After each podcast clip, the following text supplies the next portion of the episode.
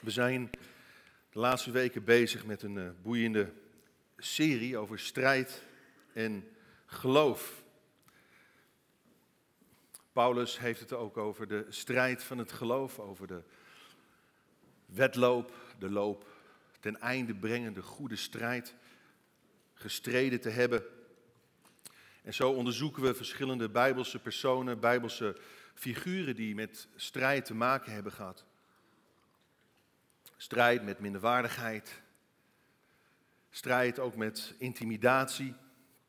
En vandaag gaan we het hebben over de strijd van Simpson, roekeloosheid. En we hebben ook gezongen, we zijn in verwondering. En, en heilig, heilig is God. En, en God is uh, echt bezig in ons uh, midden met een, een werk van heiliging, een werk van voorbereiding op nog grotere dingen.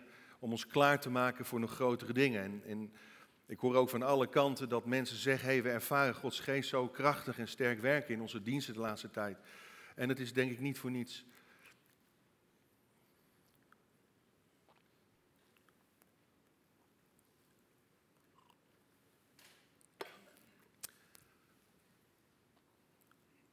Vandaag gaan we het hebben eigenlijk over een onderwerp wat te maken heeft met heiliging. Heiliging. Zonder heiliging zullen we God niet zien. De reinen van hart zullen God zien. Mijn gebed is, Heer, maak mijn hart reiner, puurder, zuiverder. Maak ons rein, maak ons heilig. Veel mensen bidden voor opwekking, maar ze beseffen niet dat ze zelf een opwekking kunnen zijn. Dat ze zelf een instrument van Gods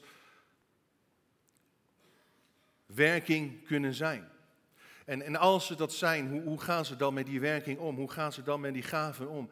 Hoe gaan ze dan met de werkingen van kracht en de gaven van de geest om? En ik denk dat Simpson iemand is die uh, voor ons een, een, een voorbeeld enerzijds is, maar ook een hele grote waarschuwing. Het verhaal van Simpson is eigenlijk één grote soap van intrigue, bedrog en geweld. Toch is Simpson in de galerij van geloofshelden opgenomen in Hebreeën, het boek Hebreeën, een prachtig boek. In een grote wolk van getuigen is hij opgenomen en hij spreekt en hij roept ons toe. Hij roept ons toe met de woorden: pas op voor roekeloosheid in je leven. Simpson had eigenlijk alles mee. Hij had zijn uiterlijk mee zijn gaven. Hij had een gelovige ouders, een rijke geestelijke achtergrond. Maar hij eindigde als een spotobject in schande en ellende. Jawel, hij groeide op met grote beloften. Hij was veelbelovend. Maar hij eindigde eigenlijk in de goot. En veel mensen kunnen heel goed beginnen maar slecht eindigen. Daarom staat er ook in diezelfde Hebreeënbrief, uh, gehoorzaam of volg uw voorgangers, schik u naar hen, maar let op hun einde.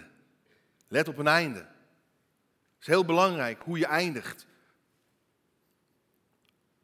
En de vraag is dan ook, hoe kun je de kracht van God, hoe kun je de passie waarmee je begonnen bent, misschien wel de eerste liefde, de zalving van Gods geest in je geestelijk leven vasthouden? Hoe begon het met, met Simpson? Het begon met een geweldige belofte van een engel. En die zei, de jongen zal een Nazareër van God zijn. Een jongen met een speciale missie. Een jongen met een speciale roeping. Geroepen tot een toegewijd geestelijk leven, niet tot een vleeselijk roekeloos leven. En God had een geweldig mooi plan voor Simpson. Een plan van bevrijding voor Israël, voor een hele natie. Maar het werd een vreselijke soap van verleiding en geweld. Zijn missie was orde en recht brengen. In een land waar iedereen deed wat goed was in eigen ogen. Maar elke keer als er berouw was, dan zond God richters of rechters, zoals Gideon, zoals Jefta en Simson, om het land te richten in gerechtigheid en vrede, om het land te herstellen om orde op zaken te brengen. En natuurlijk is een goede start het halve begin, maar let op het einde, gericht op christenen, zegt Paulus, de apostel, het volgende. Lees u mee. Dwaze gelaten. Gelaten 3, vers 1. Wie heeft u betoverd? Ik heb Jezus Christus toch duidelijk als de gekruisigde voor u uitgetekend, voor u uitgeschilderd. Hoe kunt u zo dom zijn? U bent begonnen met de geest en nu wilt u eindigen op eigen kracht in het vlees. Weet je, iemand die roekeloos is, want wat is roekeloosheid precies? Denk niet na over de gevolgen van zijn handelingen. Een roekeloos persoon houdt geen rekening met de mogelijke gevaren van zijn of haar woorden en daden. Zo iemand denkt niet vanuit een groter geheel, vanuit een groter plaatje en is onbedachtzaam. En er zijn drie aspecten die een, een, een mens roekeloos kunnen maken. En we gaan dus kijken, wat maakt een mens roekeloos en, en wat is het tegengif daarvan? Allereerst, lees u mee en vult u in, gebrek aan discipline en toewijding. En dat is best wel opmerkelijk dat ik hiermee begin. Gebrek aan discipline en toewijding, want Simpson was juist geroepen een Nazireër te zijn. Dat had alles te maken met discipelschap eigenlijk, met discipline. Het had alles te maken met een toegewijd geestelijk leven aan God. En toch is dat zijn eerste valkuil. Gebrek aan discipline en toewijding. Wat is de antidota, het tegengif? Ontwikkel gezonde gewoonten. Ontwikkel gezonde gewoonten. Simpson was iemand die zich niet of nauwelijks kon beheersen. Met name als het ging om, op, op seksueel gebied. Er zijn zelfs drie hele hoofdstukken in de Bijbel hieraan gewijd. En hij gaat van de ene relatie over naar de andere relatie. Hij, hij kan zich niet binden aan, aan een vaste partner. Een probleem van deze tijd onder heel veel jongeren trouwens. En, en vrouwen zag hij als, als lustobjecten. En we lezen in Richteren 14 het volgende. Op een keer ging Simpson naar Timna. Daar viel zijn oog op een van de Filistijnse meisjes. Dat was ook al een, eigenlijk een overtreding, want hij mocht niet met een, een niet-Israëlisch meisje trouwen. Toch viel zijn oog op een van de Filistijnse meisjes. En op een keer ging Simpson naar Gaza. Daar zag hij een hoer. Ook weer ergens een overtreding natuurlijk. En hij ging bij haar binnen. Een poosje later, een paar hoofdstukken later lezen we, werd Simpson verliefd op een Filistijnse vrouw, Delila. Dat werd hem uiteindelijk vertaald. Maar goed, de vraag is, wat, wat kan mijn, wat kan jouw geestelijk leven vervlakken? Wat kan ons leven vervlakken? Dat heeft alles te maken met die discipline en met die toewijding. Als dat ontbreekt, gaat ons leven vervlakken. Het maakt me niet uit hoe lang je met de Heer wandelt. Het maakt niet uit wie je bent, wat voor leider je bent, een voorganger, een, een kringleider, een, een jeugd, maakt me helemaal niks uit. Maar we hebben er allemaal mee te maken. Een ongedisciplineerd leven. Dat is eigenlijk dus het eerste wat opvalt. Een leven vol onbeheerste impulsen en gevoelens. Simpson was eigenlijk een, een ongeleid projectiel. En hij ontwikkelde meer liefde voor genot dan voor God. Maar het gaat in principe om de houding die hij uitstraalt. Ik ben vrij om te doen en te laten wat ik wil. Ik laat mij niets voorschrijven. Ik laat mij geen regels, geen gedragscodes voorschrijven. En veel mensen denken dat vrijheid te maken heeft met het onbegrensd botvieren van hun lusten en verlangens en emoties. Terwijl dit juist leidt tot slavernij en gebondenheid. We lezen in Petrus het volgende, lees mee. Vrijheid spiegelen ze hun voor. Vrijheid spiegelen ze hun voor. Het gaat dan hier in de context over dwaalleraars, maar zelfs zijn ze slaven in dienst van de ondergang. Want een mens is de slaaf van wat hem in zijn macht heeft. We hebben vorige week gezien hoe de duivel, de boze, de vijand ons kan aanvallen. Ons kan intimideren. Maar de grootste vijand in het leven van Simpson waren niet de Filistijnen. Dat was een verborgen innerlijke vijand. Dat was lust. En een zwakte of een gat in je ziel, in het heetst van de strijd, kan fataal zijn. Want de boze, hij loeit erop en hij pakt je erop. En drie keer had Simpson zijn oog op een vrouw gezet. De derde keer, zoals we hebben gelezen, ging fout. De les is onder andere deze. Wissel nooit en te nimmer je geestelijke rijkdom in voor vleeselijke armoede. Simpson, hij verschijnt op het podium en hij begint grote dingen te doen. Er staat, de jongen groeide op en de Heere zegende hem. Dus de Heer was met hem. De Heer die werkte door hem heen. En de geest des Heren begon hem aan te drijven. De les is karakter en charisma moet altijd in balans blijven om niet uit de bocht te vliegen. Een leeuw verscheurt hij als een blad papier. De poorten van Gaza, torenhoge poorten, tilt hij op alsof het een dienblad was. De hulk zou verbleken na Simson. En er was een duidelijk bewijs zichtbaar dat God met hem was door de dingen die hij deed. Maar luister goed naar wat ik nu ga zeggen. Enerzijds, als God met je is, dan zal het duidelijk gemaakt worden door de dingen die je doet. Anderzijds, het bewijs van Gods kracht in je leven wordt misschien nog wel duidelijker in de dingen die je nalaat en niet doet. Ik herhaal. Het bewijs van Gods kracht in je leven wordt misschien nog wel duidelijker in de dingen die je nalaat en niet doet. Paulus zegt in 1 Korinthe 6 vers 12 in dit verband, alle dingen zijn mij geoorloofd, maar niet alle dingen zijn nuttig. Alle dingen zijn mij geoorloofd, maar ik zal mij niet onder de macht van ook maar iets laten brengen. Ik zal mij niet laten knechten. Ik zal mij niet laten vangen. Ik zal mij niet laten verstrikken. Wat was het eerste aspect van zijn roekeloosheid? Dat was dit. Hij maakte beslissingen op basis van zijn lusten en emoties en niet op basis van geestelijke principes en waarden. Het gevaar is groot. Elke keer weer dat wij voor de weg van de minste weerstand kiezen. En, en je zegt misschien, ach, wat maakt het uit? Ach, die ene keer, dat ene ding, dat ene moment van plezier, wat het ook mogen zijn. Weet je, de grootste vloek van deze tijd is dit. De eis. Dat is de eis dat onze verlangens instant bevredigd moeten worden. Ik wil het en ik wil het nu. En ik wil het nu ervaren. Ik wil het nu voelen. En als ik het niet kan voelen, dan voelt het niet goed. En natuurlijk verzoekt de duivel ons ook op dat gebied en op vele gebieden. Maar we geven hem veel te vaak de schuld. Want de Bijbel zegt dit, Jacobus 1, vers 14. Iedereen komt in verleiding. Allereerst dus een eigen begeerte. Die hem lokt en meesleept. Lees mee. Is de begeerte bevrucht, de baart ze zonde. Is de zonde volgroeid, de brengt ze de dood voort.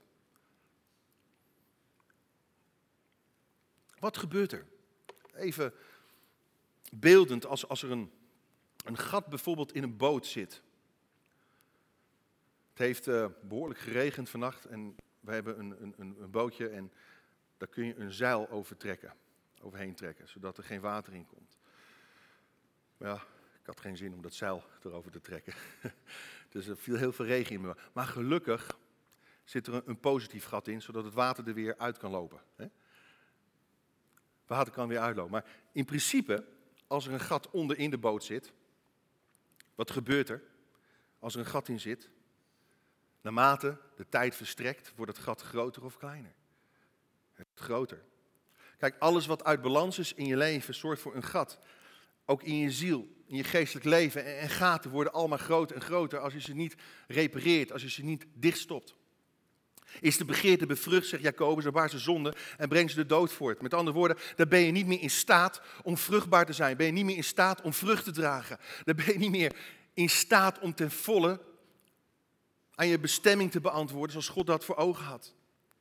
Nelson Mandela, hij zei het volgende. Discipline is het sterkste wapen om vrijheid mee te veroveren. Dus discipline en vrijheid gaan hand in hand. Het dicht de gaten in je leven. Ten tweede, een tweede aspect van een roekeloos mens is deze. Het is gebrek aan zelfbeheersing en genade. Dat zou je niet verwachten, het woordje genade, maar ik heb het bewust gekozen en we gaan zien waarom. Gebrek aan zelfbeheersing en genade. De antidota is deze. Geef vergeving een kans. Geef vergeving een kans. We hebben gezien wat ons geestelijk leven kan vervlakken. We gaan nu zien wat ons geestelijk leven kan verzieken. Simpson, de veelbelovende jongeman. Toch was hij iemand die voortdurend in, in boosheid en agressie handelde. Zijn grondhouding was eigenlijk wraak. En, en, en, misschien kwam dat vanuit een stuk hoogmoed. Hij was natuurlijk, ja, misschien wel een over het paard getild ventje, weet ik veel. Hij, was degene op wie alle ogen gericht waren. Van hem verwachten ze het. En hij dacht misschien, wie kan mij nog wat doen? En, en hij kon dus eigenlijk, had misschien niet geleerd om daarmee om te gaan met tegenslag. En, en toen hij een keer een weddenschap verloor, doodde hij zomaar 30 man. Hij was zo sterk. Woedend keerde hij terug naar huis. Thuisgekomen ontdekte hij dat zijn verloofde aan de ander was gegeven, weggegeven. En toen hij dat hoorde, ging hij weg. En we lezen dat hij 300 vossen ving. Die bond hij twee aan twee met de staarten aan elkaar vast. Hij knoopte een fakkel in de staarten en stak die in brand. Dus 150 vossen plus 150, maar twee aan twee, werden ze verspreid over het land. Alles stond in de fik. Ze werden de, de korenvelden ingejaagd. Maar niet alleen de korenvelden raakten in de fik, ook de wijngaarden en de olijfgaarden. Eh, de bosbranden in Zuid-Frankrijk zijn er niets bij. En als een Terminator ging hij tekeer. Hij, hij misbruikte eigenlijk zijn geestelijke kracht als geen ander. En dat is iets waar we ook voor moeten oppassen. Roekeloos ging hij met zijn gaven en talenten om. En zijn antwoord was simpel. Richteren 15 vers 7. Hij zegt, als jullie Filistijnen zo doen, kan ik het ook. Ik gun me geen rust voordat ik jullie met gelijke munt heb betaald. En hij sloeg erop los en maakte talloze slachtoffers. Hij, overal waar hij kwam liet, hij lijken achter. En, en hij ontwikkelde zich tot een verbitterd en gewelddadig mens. Niet een, zoals een leider, zoals God dat eigenlijk bedoeld had. En, en hij had voortdurend de mentaliteit van, ik zal het ze betaald zetten. Ze krijgen mij niet klein. En, de kiem van bitterheid groeit altijd uit tot een giftige plant met dodelijke uitwerking. Weet je, je focus is dan op negativiteit gericht en dat zuigt je leeg. Verbittering is altijd zelfvernietigend. En je raakt op slot, je vergrendelt je hart en je wordt verhard. Er staat letterlijk in Spreuken 18, vers 19, wat verbittering met je doet. En verongelijk zijn. Ik heb het ook vaak gezien. Een verongelijkte broeder is ontoegankelijker dan een sterke stad. En twistingen, ruzies, zijn als de grendel van een burcht. Wat is je natuurlijke reactie? Als iemand je beledigt of als iemand je kwetst. Vaak reageer je net zo. Althans, ik wel. En, en misschien reageer je wel om terug te kwetsen. Ik, ik zet het hem of haar betaald, weet je wel. Ik wil gelijk komen te staan. En weet je, wraak is een soort op hol geslagen gerechtigheid. Maar het maakt alleen maar stuk. Als je, als je iedereen die jou kwetst met gelijke munt wil terugbetalen, zoals Simpson, dan heb je geen rust meer in je leven en heb je dus geen leven meer. Dan word je als het ware ontoegankelijk, als de grendel van een burcht. Ontoegankelijker dan een sterke stad. Met andere woorden, let op, je raakt geïsoleerd. Je raakt geïsoleerd. En dat is precies waar de boze je wil hebben. In een isolement. Je vereenzaamt. Wat zie ik vaak veel mensen doen? Die struikelen. Die verbitterd raken, teleurgesteld raken, in een crisis zitten, het moeilijk hebben. Ze trekken zich terug. Dat is het eerste wat ze doen vaak. Ze trekken zich terug uit het gemeenteleven. Misschien uit de kring. Bezoeken de diensten niet. Zonderen zich af. Sluiten zich af. Niet doen. Waarom niet? Omdat geloven een kwestie is van toebehoren. En karakter En godsvrucht wordt alleen in de context van relaties en gemeenschap gevormd. Binnen de context van intermenselijke betrekkingen wordt karakter ontwikkeld. Zoals ijzer ijzer scherpt. Zo vormt de ene mens de ander. We kunnen niet zonder elkaar. Heiliging. ja, heiliging is niet iets zweverigs. Het is heel concreet, het is heel praktisch. Het is heel menselijk. Het vindt plaats binnen die context van een gemeente. Oké, wat was nu zijn tweede aspect van roekeloosheid? Hij reageerde impulsief vanuit gevoelens van wraak en niet vanuit een houding van genade. Wat is jouw houding? Simpson, hij luisterde niet meer naar zijn volksgenoten. Hij, hij werd ontoegankelijk voor hun raad. En het gevolg van zijn daad om gelijke munt te betalen, resulteerde weer in een tegenaanval van de Filistijnen. Kijk, je komt in een vicieuze cirkel terecht. daar kom je niet snel, snel uit. Het, het, antwoord van de Filistijnen was deze. We zullen hem betaald zetten wat hij ons heeft aangedaan. Dus hij, hij begon ermee, ik zal ze betaald zetten. En zij gaan weer teruggeven. Nee, wij zullen het hem betaald zetten. En zo ga je maar door. Toen gingen, let op, 3000 Judeërs naar Simson. 3000 mannen gingen naar Simson. En zeiden, je weet toch dat de Filistijnen heer en meester over ons zijn. Waarom brengt u ons dan in moeilijkheden? Luister Simpson, doe even, doe even, doe even rustig man. Take it easy. wees niet zo'n driftkop man. Weet je wat hij daarna doet? Dus 3000 man komen naar Simpson toe om hem te dienen van goed advies. En wat doet Simpson? Hij pakt een ezelskaak en hij slaat duizend Filistijnen dood. Huh? Hoezo een plaat voor je kop, zou je zeggen, toch? Ja, de Bijbel zegt, de dwaas laat zijn woede de vrije loop, maar de wijze weet zich te beheersen. De staat leest mee in Spreuken 16, vers 32. Beter een geduldige mens dan een vechtjas, beter zelfbeheersing dan een stad veroveren. Hij trok zich dus voor niets en niemand iets aan. Ook al bracht hij door zijn houding het hele volk in moeilijkheden, in de problemen en in gevaar. Hij ging, hij ging gewoon door. Weet je, verbittering, luister goed, verziekt jezelf plus je omgeving. Altijd. Datzelfde geldt ook voor verbittering in het lichaam van Christus. Hebreeën 12, vers 15. Laat niet de verbittering als onkruid opkomen, onrust veroorzaken en de hele gemeente vergiftigen. Dat is nogal wat. En de vraag is dus ook, waar raak je door verbitterd? Hoe ontstaat zo'n gat?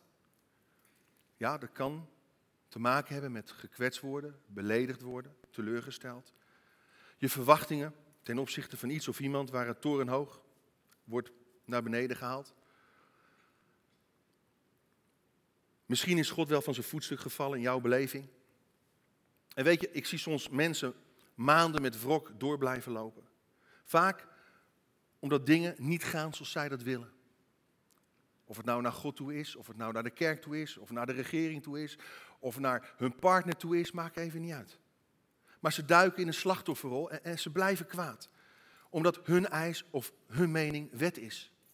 En, ze wachten genadeloos het moment af om toe te kunnen slaan of om uit te kunnen halen. En weet je, kijk, vergelding leidt altijd tot verlies, maar vergeving tot overwinning. Als je je laat meeslepen in dezelfde woede of haat, dan geef je de ander de macht om jouw gevoelens en reacties te bepalen. Max Lucado heeft eens dit gezegd: wrok koesteren is als het innemen van vergif. Ik neem vergif in ik blijf kwaad, ik blijf rokkoesteren. En dan wachten tot de ander doodgaat. Je schaadt jezelf alleen maar. En inderdaad ook indirect, soms direct je omgeving. Ten derde, het derde aspect van een roekeloos mens, dat is deze gebrek aan oplettendheid, je mag ook zeggen waakzaamheid, maakt mij niet uit, en gezeggelijkheid. Gezeggelijkheid. Gebrek aan oplettendheid en gezeggelijkheid. De antidota is blijf alert en corrigeerbaar. Blijf alert en corrigeerbaar.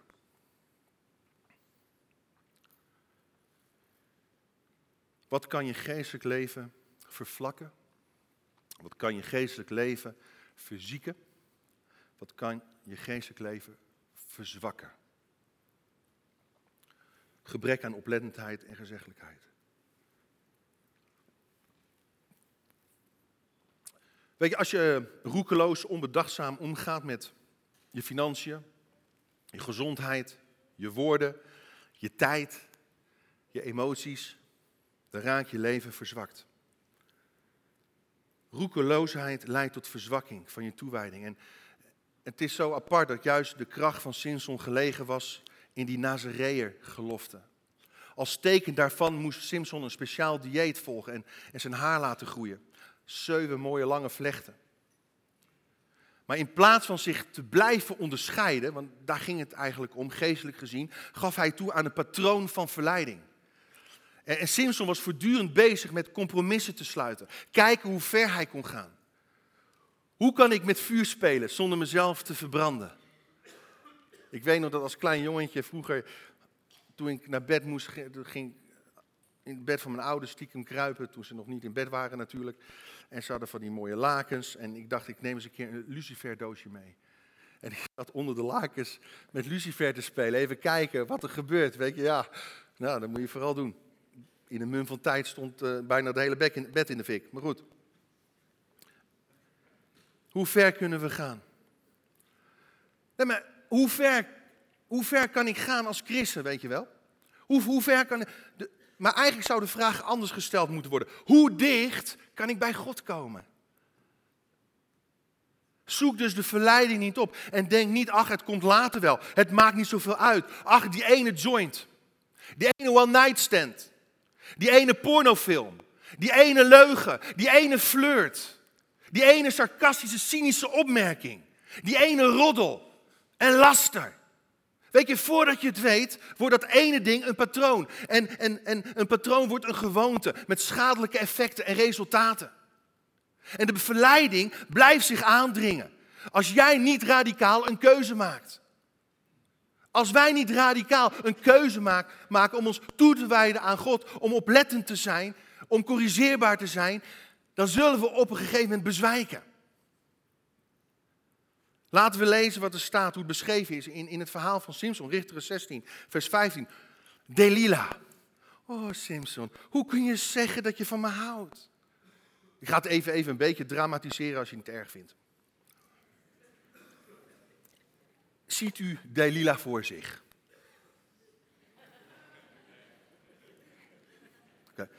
Met wat meer haar en make-up. Je vertrouwt me niet eens. Ja, ik wil ook niet te. Nee, goed. Zoals zegt u, uh, nou, je had gisteren mee kunnen lopen ergens in Amsterdam, maar nee, goed. Tot drie keer toe heb je me voor de gek gehouden, in plaats van me te vertellen waarin je geweldige kracht schuilt.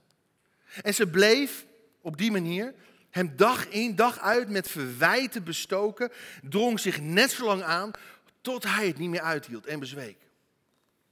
En uiteindelijk zegt hij, nog nooit heeft een scheermes mijn hoofd aangeraakt. Vertrouwde hij haar toe. Dat is omdat ik al vanaf de moederschoot als Nazireër aan God gewijd ben.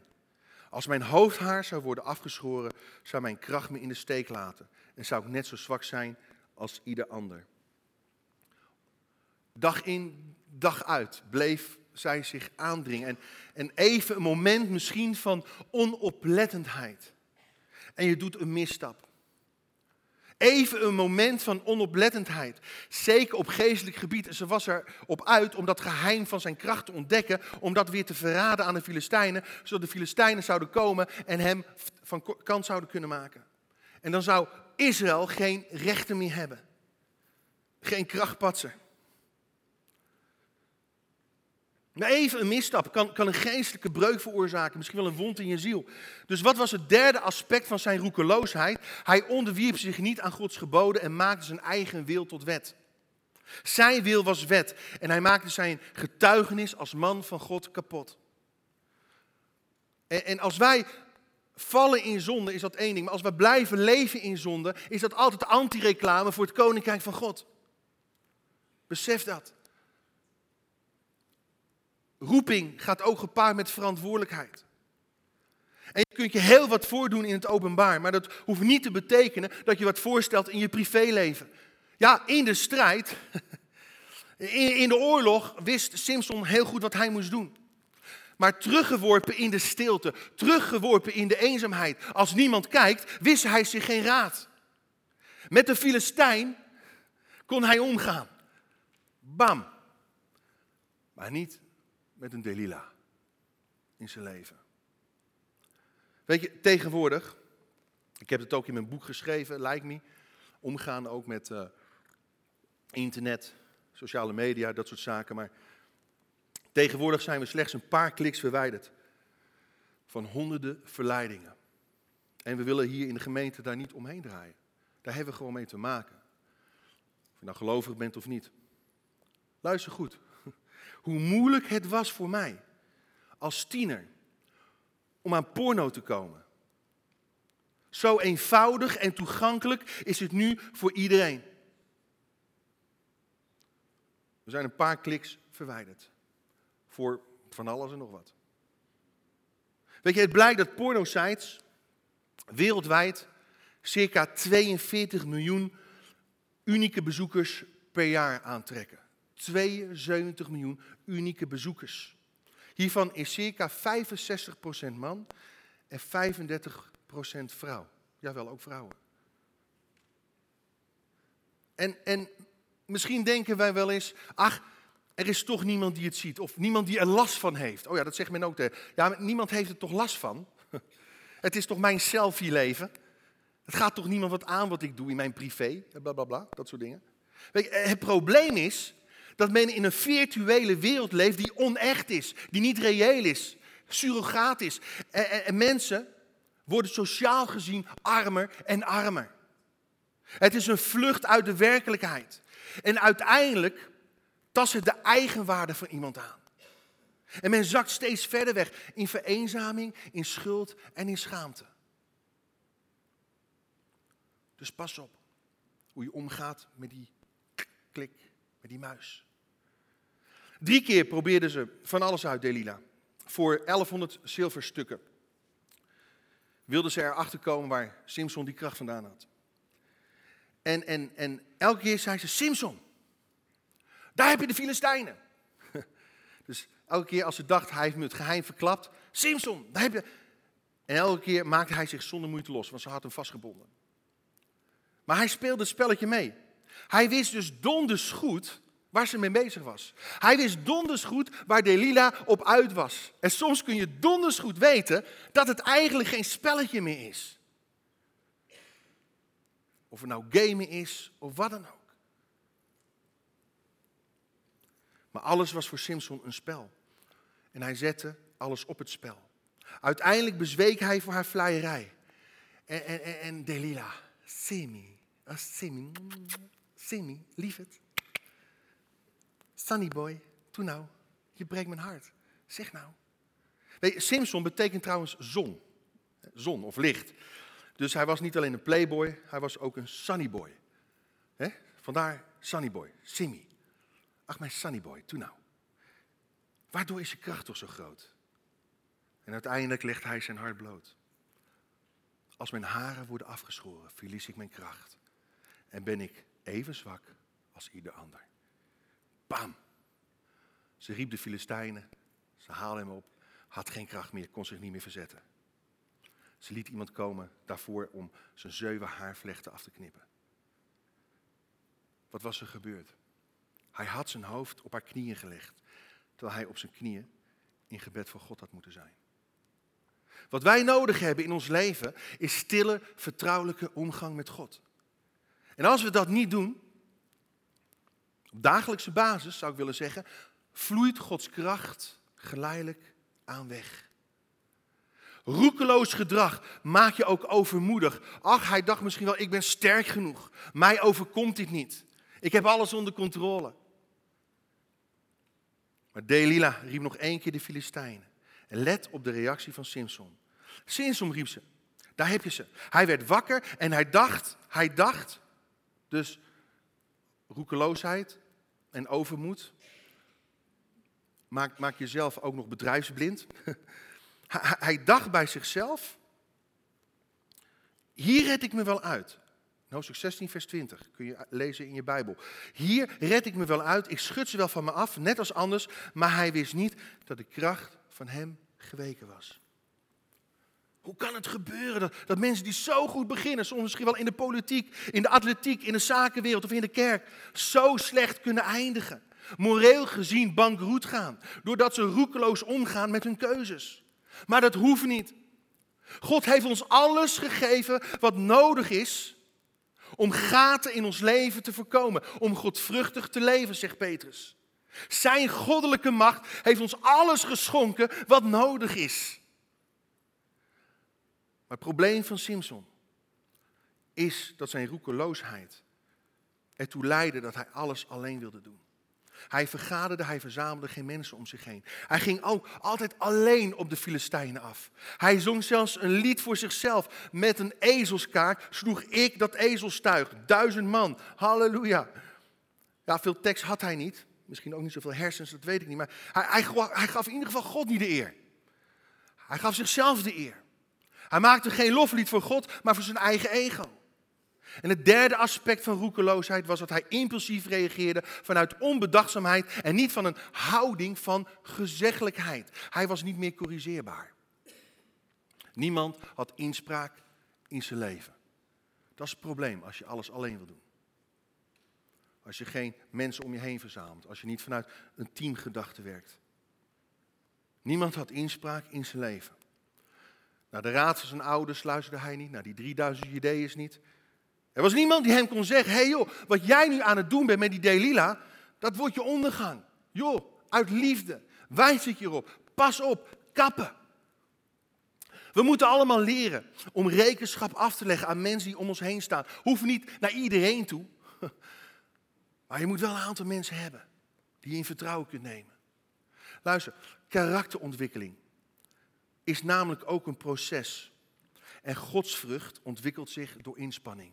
Lees ze mee. 2 Petrus 1 vers 5. 2 Petrus 1 vers 5. Span daarom.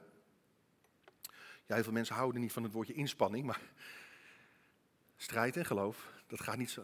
Er is inspanning nodig. Zo is het nou eenmaal. Tuurlijk, we leven uit genade, maar die genade uitwerken kost wel inspanning.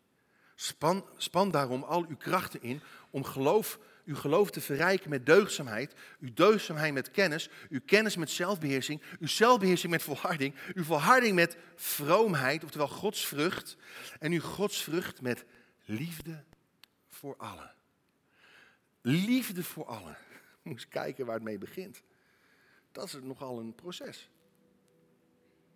En als u dit alles doet, komt u nooit in val. En we lezen dat in zijn grootste nederlaag Simson zijn grootste overwinning ervoer. Ze staken zijn ogen uit en aan boeien gebonden moest hij de rest van zijn leven om een molen heen draaien. Geboeid. Om de rest van zijn leven in cirkeltjes te draaien. En ik geloof echt serieus dat geestelijk gezien mensen die God kwijt zijn geraakt, cirkeltjes blijven draaien. Ze komen nooit verder. Ze blijven maar cirkeltjes draaien. Ze gaan niet vooruit. Er is geen ontwikkeling meer. Ze worden niet vrij. Ze blijven geboeid. Gevangen in zijn eigen lust moet hij voortaan blind door het leven. En aan het eind was hij pas bereid om te sterven aan zichzelf. Om zo maar te zeggen. Men gaf hem een plaats tussen twee grote zuilen om hem te bespotten. En hij zei het volgende, Richter 30 vers 28. Heer, denk toch aan mij. O God, geef me nog één keer mijn kracht terug. Mijn dood zal de dood van de Filistijnen zijn. En uit alle macht duwde hij en de tempel stortte in.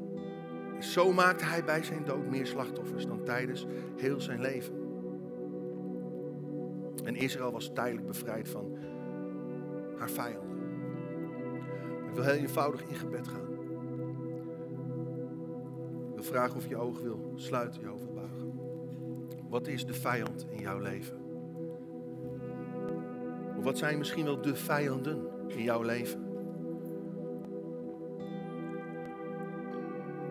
Het hoeven niet altijd uiterlijke vijanden te zijn. Het kunnen innerlijke vijanden zijn.